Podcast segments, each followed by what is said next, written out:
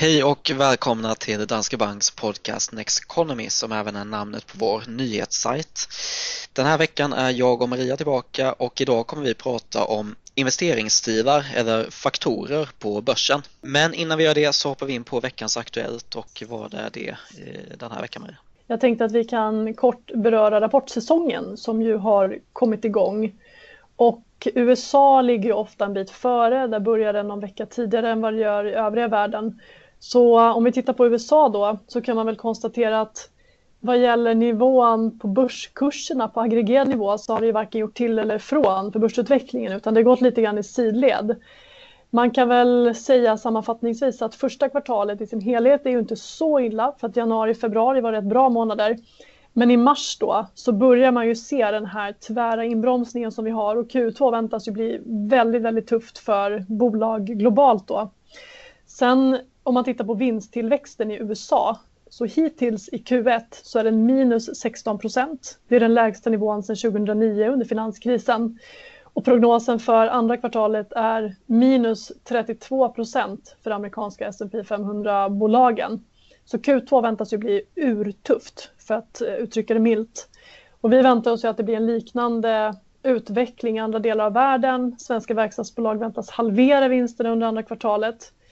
Men när det gäller börsen då så kan man fråga sig varför bryr man sig inte om den här kraftigt negativa vinsttillväxten eh, och raset som vi faktiskt ser.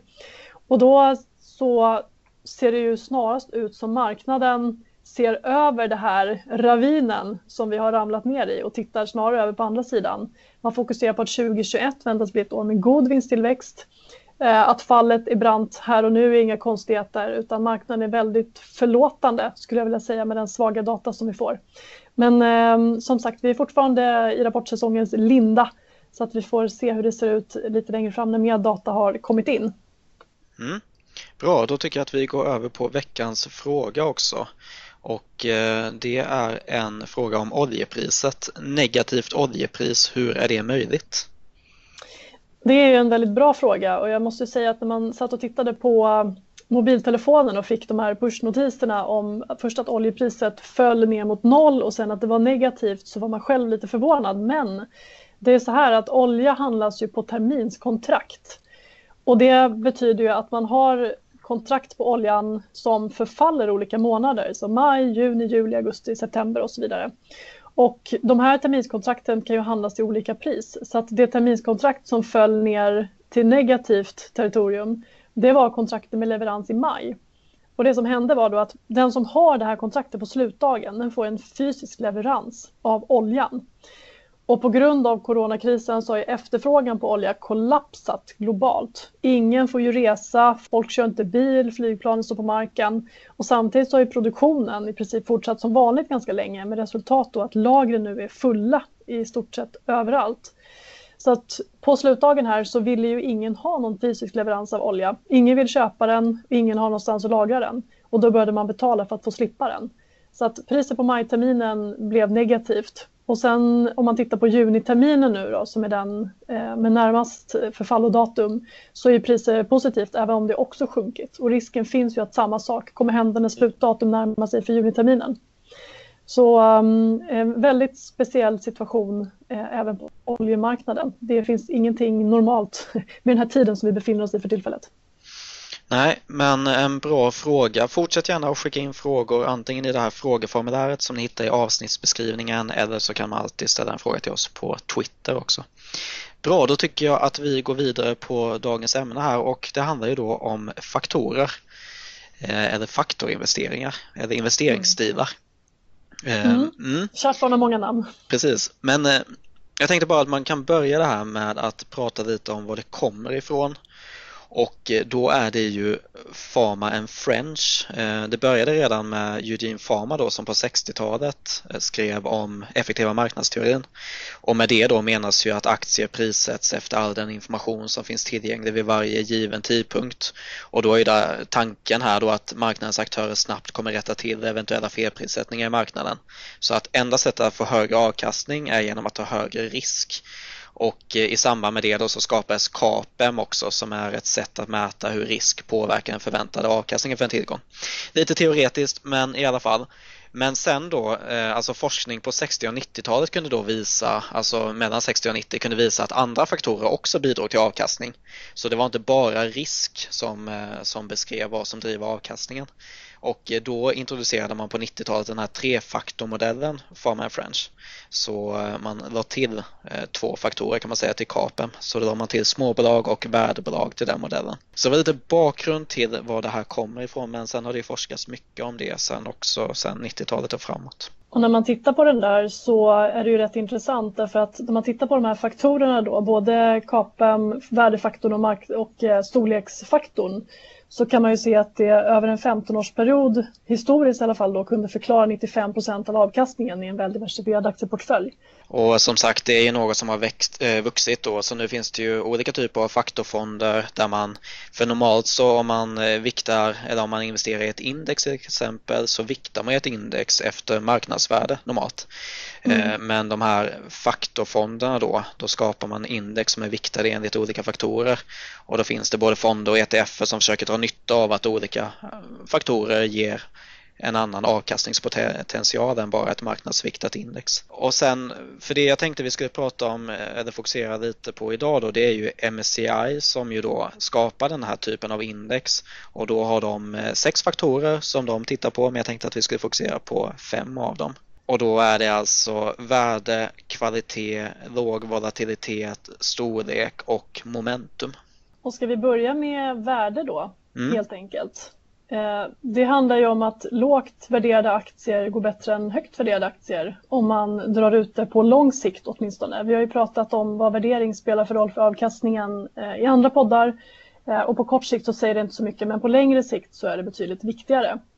Ehm, och då kan man ju definiera värde på flera sätt men MSCI har valt ut tre olika faktorer som man tittar på då. Eh, för att försöka identifiera de här bolagen. Och de går ju oftast bättre när ekonomin är i en expansionsfas. Eh, och sen, och det finns ju olika, precis som att det finns eh, olika sätt att ta fram då vad som är ett värdebolag så finns det också olika förklaringar till varför det här kan tänkas fungera då. Och en sån är att marknaden överreagerar på negativa siffror hos bolag. Eh, man antar alltså att den negativa utvecklingen ska fortsätta i framtiden istället för att anta att det kommer en vändning. För man brukar ju prata om att över tid så kommer man återgå till medelvärdet. Så ett avsteg ifrån det långsiktiga medelvärdet kommer följas av ett steg närmare medelvärdet. Så när vändningen sen kommer och förväntningarna skruvas upp igen så kan man då få en överavkastning om man köpte när förväntningarna var lågt ställda. Så det är väl det som är en förklaringsmodell till varför det här fungerar också. Precis. Och då kan vi gå vidare på kvalitet och eh, då pratar vi alltså om bolag med eh, stabil vinsttillväxt, låg skuldsättning och hög avkastning på eget kapital där. Mm, precis, och det brukar ju ofta handla om, om bolag med affärsmodeller som är dels konkurrenskraftiga men som också har ett läge på marknaden som gör att de kan upprätthålla den här höga stabila lönsamheten, till exempel via höga inträdesbarriärer. Mm. Eh, och det här är en mer, mer defensiv typ av strategi. Mm. Och en förklaring till den då är att de, eh, den typen av bolag klarar sig bra genom svåra tider. Så vid extrema event som kan ha en stor effekt på den långsiktiga avkastningen tappar kvalitetsbolag oftast inte lika mycket då som andra bolag. Och det kan man ju även se nu, även under krisen som vi har till följd av coronaviruset, att eh, bolag som är högt skuldsatta får ju snabbare problem. Eh, vi har två sektorer nu som är illa ut av olika anledningar, men bland annat flygindustrin och oljeindustrin är ju eh, typiskt bolag som har stora investeringar först och sen så kommer intäkterna längre fram. Precis och sen har vi den här med låg volatilitet då. Eh, och det här är väl kanske den mest paradoxala faktorn för hela KAPEM och effektiva marknadsteorin bygger på att man ska få betalt för den risk man tar. Och då är det ju alltså risk mätt som volatilitet man menar. Så en högre volatilitet innebär alltså mer risk vilket borde innebära en högre avkastning. Men så är det inte alltid. Nej, precis. För att om man tittar på den här typen av aktier så har de ju både klarat sig bättre under turbulenta perioder när det varit eh, stökigt på börsen eller när man haft någon typ av oro. Men över längre tidsperioder så har det faktiskt också visat sig att bolag med låg volatilitet även då har gått bättre än marknaden. Och det är ju motsägelsefullt. Ehm, det här är också en vanlig strategi bland institutioner som behöver upprätthålla en jämn, stabil avkastning över tid och eh, som kanske har åtaganden som de ska uppfylla gentemot kunderna som till exempel inom pensionsförvaltning. Om vi går vidare på nästa så har vi det här med storlek och eh, där är väl ganska känt då att mindre bolag ger en bättre avkastning jämfört med stora bolag. Det är något som vi har pratat om i podden tidigare också. Mm, precis. Och det handlar ju mycket om att små bolag ofta verkar inom branscher och nischer som är i en, en tillväxtfas. Det är lättare också att växa med tvåsiffriga procentuella tal om man är ett litet bolag än om man är en stor spelare. Eh, ta de svenska stora verkstadsbolagen som exempel som redan är marknadsledande i stora delar av världen. Eh, då är det inte lika lätt att växa lika snabbt. Så att eh, små bolag över tid tenderar att gå bättre än, än stora. Sen finns det ju perioder när småbolag eh, har det tuffare. Till exempel eh, vid turbulenta perioder på börsen, vid eh, lågkonjunkturer till exempel, så kan småbolag underprestera. Men över längre tidsperioder så brukar de slå de stora. Eh, och en annan sak kring det här är ju det här med underanalyserade bolag, alltså att småbolag inte bevakas i lika hög utsträckning av analytiker. Så är det någonstans man har större chans att hitta bolag som är felaktigt värderade av marknaden så är det just i, i den typen av bolag då som inte är lika bevakade. Så det är mm. ännu en förklaringsfaktor bakom det. Och eh, sen har vi den sista här då och det är ju momentum ehm, och på MSCI så kollar man på den riskjusterade överavkastningen de senaste 6 och 12 månaderna för att ta fram de aktier som har bäst momentum. Då. Mm. Och det där är ju någonting som visat sig fungera både för enskilda aktier, för eh, sektorer, för länder och även mellan olika tillgångsslag. Och eh, vad jag kan läsa mig till så är det ju inte helt lätt heller att säga vad det här beror på. Men en teori är ju att en aktie, en sektor eller för den delen en region kan gynnas av en långsiktig trend. Och gör man det under en period så tenderar ju trender ofta att hålla i sig längre än vad man tror. Det är inte bara tillfälligt. Och då är det också gynnsamt för avkastningen under en längre eh, tidsperiod. Och den här typen av strategier har ju typiskt sett gått bra i perioder när vi haft eh, framförallt långa makrotrender. Mm. Och en annan förklaring där är att man ofta fortsätter skruva upp förväntningar, alltså man, man reagerar något sent när det gäller att justera ner estimat och riktkurser. Så eh, i och med att man fortsätter då skruva upp förväntningarna ger det en överavkastning genom att man investerar i den typen av bolag också. Mm. Och det här är ju faktiskt en strategi som gett högst överavkastning över tid.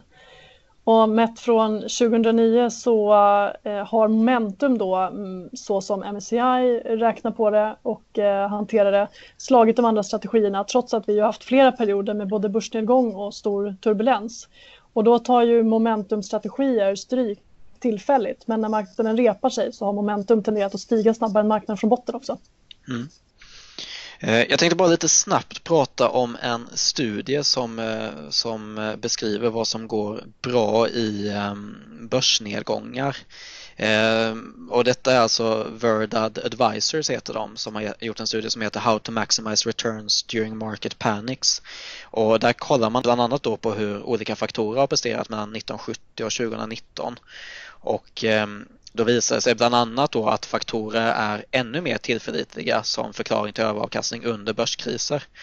Och eh, det tror man då att kan bero på den panik som investerare drabbas av i de här tiderna. Så när man ska förvalta pengar själv så gör man det ännu sämre i tider av stor turbulens vilket gör att det blir ännu mer gynnsamt att bara följa enkla regler i beslutsfattandet som faktorer innebär då. Ehm, och eh, vad man kom fram till i den där studien var att att fokusera på billiga aktier framför dyra var bland det bästa man kunde göra då. Ehm, och sen eh, kvalitetsbolag med hög avkastning på kapitalet och starka kassaflöden gick bra också som vi var inne på tidigare. De är alltså inte beroende av finansiering i ett läge då det är svårt att få finansiering och då det även är dyrt att få finansiering. Och sen eh, småbolag gick bra. Eh, framförallt då menar man att det var för att de här panikförsäljningar i aktier med sämre likviditet då leder till att priserna sjunker ännu mer i den här typen av aktier. Så det var framförallt eh, likviditeten som var förklaringen där. Det här blir ett ganska så kvantitativt förhållningssätt till investeringar, eh, vilket jag ändå tycker är positivt för jag brukar säga det här att ha en strategi, håll dig till strategin och håll dig borta. Och den här typen av investeringar kvalificerar in sig på allt det där. För det finns, alltså dels så finns det ju forskning som visar att den här typen av strategi fungerar. Så man kan motivera för sig själv varför man investerar som man gör. Och då, och då blir det också enklare att hålla sig till strategin. Ehm, och bästa sättet att undvika då tankefel är att hålla sig borta. Och genom att då bara investera enligt de här reglerna och sen inte göra någonting eh, kommer ändå vara positivt ur den aspekten också. Så det finns en del fördelar med det men som vanligt så är det svårt att veta vilken som kommer gå bra i vilken period exakt så det handlar ju fortfarande om diversifiering. Och även mm. om man förvaltar pengar själv så vill man ju gärna få någon exponering mot olika typer av bolag. Ofta så har man kanske någon typ av exponering mot de här olika faktorerna också. Ja men precis och det är väl det där som eh, man måste ha i åtanke att just även om man läser om en strategi så är det väldigt lätt att tycka att den kanske låter lockande och den känns intuitiv och man, eh, man kan ta till sig den men sen just över tid så tenderar olika strategier verkligen att gå olika i olika perioder. Vissa är mer defensiva, andra mer offensiva. Eh, vissa klarar börsnedgång bättre, andra går väldigt bra när konjunkturen tar fart igen. Och det där med att förutspå var makroekonomin ska ta vägen och vad som ska gå bäst i vilka perioder är ju inte alltid helt lätt. Ehm, även om man förstås kan göra förändringar på, på marginalen och öka lite det man tror mer på så handlar ju det som sagt om eh, mer att man gör små förändringar snarare än att man gör stora ingrepp i, i portföljen eller att man satsar väldigt tungt på en region eller en typ av strategi och bolag. Mm. Men bra, då tror jag att vi har tagit oss igenom de här olika faktorerna som är de mest vanliga i alla fall. Och då tycker jag vi går vidare på veckans tankefel och jag tänkte beskriva några tankefel som kan förklara en av de här faktorerna och det är just eh, momentum som vi var inne på tidigare. För den faktor som man förknippar mest med börspsykologi är nog just eh, momentum. För eh, ja, men precis som vi har varit inne på tidigare då aktier som har gått bra fortsätter att gå bra och det finns då några tankefel som kan förklara momentum som fenomen och de här tankefelen kan ju dessutom bidra till bubblor på börsen. Eh, och övertro är ett sådant tankefel. Så när investerares beslut betalar sig i form av då högre aktiekurser så växer självförtroendet. Så med ökat självförtroende köper man gärna mer av en aktie och då fortsätter priset stiga. Och där kan man också tänka sig att bekräftelsebias har betydelse. Alltså stigande priser bekräftar att beslutet var rätt vilket gör att man fortsätter tro på aktien. Och sen har vi närtidsbias som är en annan orsak och något som jag brukar prata om. Eh, det är vår tendens att tro att det som har hänt i närtid kommer fortsätta och eh, det skapar ju momentum om något då. Och sen kan det här som jag var inne på också leda till bubblor på börsen och det händer ju då när investerares förväntningar ökar på grund av tidigare prisökningar. För då stiger priserna ännu högre och får ännu fler investerare att bli intresserade av börsen. Och för när aktiekursen stiger då ökar andelen människor som ser aktier som ett bra sätt att tjäna pengar. Och sen när värderingarna är som högst precis före en bubbla, då är investerare ofta som mest entusiastiska kring avkastningspotentialen framöver. Och här uppe på toppen så är det ofta då FOMO eller ångeraversion som spelar in. Det är alltså jobbet att se andra bli rika medan man själv står utanför marknaden. Det är alltså ett beslut som man inte vill behöva ångra. Och där finns det många exempel på, vi pratade om IT-bubblan förra gången, det är ju ett exempel på när värderingarna blev väldigt höga eh, på grund av att det var väldigt många som ville in på börsen när de såg andra tjäna pengar. Och även Japan i slutet på 80-talet där, som hade jättehöga värderingar och eh, föll från höga höjder och ju inte riktigt har återhämtat sig sedan dess. Så, mm, det är ja. de stora, stora bubblorna men sen finns det ju perioder, alltså kortare perioder och mindre perioder där det är samma tendens. Det här pratades det mycket om i höstas också när börsen hade stigit nästan 30 procent under fjolåret. Eh, och man brukar lite skämtsamt säga att när det börjar vara på framsidan på kvällstidningar att man ska gå in på börsen och vilka aktier man ska köpa, då ska man börja dra öronen åt sig. Och där var vi väl nästan under hösten eh, mm. innan coronaviruset kom. Ja, precis. Och det är samma sak i enskilda aktier så är ju det där märkbart också. Jag menar Fingerprint för några år sedan är ju ett, ett bra exempel på. Ja, och cannabisaktierna också mm. som liksom tåget också skrivs om det och intresset blir enormt. Och ja. så vill man inte missa det där. Och även bitcoin i början på 2018 där, där den stod mm. i, som högst så var det också jättemånga, särskilt unga investerare då som ville in och tjäna pengar när deras kompisar tjänade pengar. Mm, så det där ser man om och om igen och momentum eh, har ju ändå lite med det där att göra. Det, det bygger på samma fenomen just att man, man ser en, en uppgång i en aktiekurs som en tendens på att det ska fortsätta gå bra. Och det gör det ofta men det finns ju perioder, någon gång tar det slut och då kan det ju tyvärr bli en, en kraftig nedgång efteråt också. Mm. Bra, då tycker jag att vi ska avrunda för idag. Som vanligt får ni jättegärna ställa frågor i frågeformuläret i avsnittsbeskrivningen där och sen så kom jättegärna med förslag på saker som ni tycker att vi ska ta upp framöver också. Jag tror att vi skulle kunna göra ännu ett avsnitt om just faktorer där vi kanske bara går in på, på ett par eller på en och pratar lite mer om den. Men som sagt, ja, kom med förslag. Lite på djupet. Ja, men mm. precis. Och hör gärna av er på Twitter också. Men eh, utöver det så kommer nästa avsnitt om två veckor igen så vi säger väl tack för att ni har lyssnat. Ja, tack för idag och ha en fortsatt fin vecka. Tack och hej.